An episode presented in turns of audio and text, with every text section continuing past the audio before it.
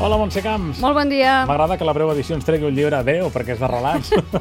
Sí, és breu, eh, són, com tu dius, relats breus, molt curts, concisos, però crec que val molt la pena parlar d'aquest llibre de la Tina Vallès, eh, un llibre que es diu Un altre got d'absenta. que els oients ja saben, perquè n'hem parlat, N'heu també parlat, en un altre sí. moment. Sí. Doncs jo creia que valia la pena doncs, parlar-ne aquest minutet que em deixeu de parlar de llibres, O dos. perquè Eh, em passa molt bé i és una, una novel·la on, on la Tina fa, diguem, com un focus i es fixa amb la gent del seu barri, que suposem que és del Raval de Barcelona, i amb els seus veïns.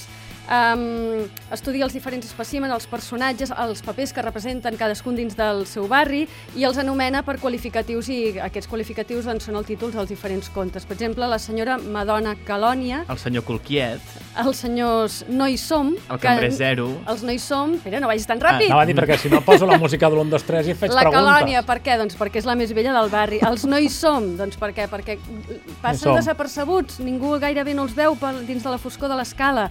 La senyora Calleu, Calleu, Calleu. perquè viu amb un, ella diu, un pis esquifit, fosc i humit del carrer més pudent i que qualifica com a dictadora dels silencis i detectora dels sorolls. És molt bonic, escriu molt bé aquesta noia. La família Pijama, per què?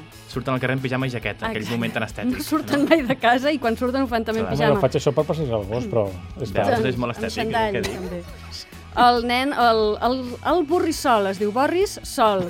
I és un noi que és un preadolescent, que té aquest borrissol al, a la cara, oi? Sí. Sí. És preadolescent i que es dedica, doncs, és de la família d'aquests del, de la família pijama, no surt mai de casa, sempre està al balcó de casa tocant la guitarra, cantant cançons d'amor, perpetrant la guitarra, perquè es veu que és, eh, en fi, horrorós. Més dolent que el Però, en fi, o els contes com les cinc dentadures, està molt bé perquè explica amb molta precisió el fet de llevar-se, rentar-se les dents, dutxar-se i com això ho fem tots els veïns a la mateixa hora, al mateix moment. I clar, són 5 dentadures, 5 minuts Cinc- més.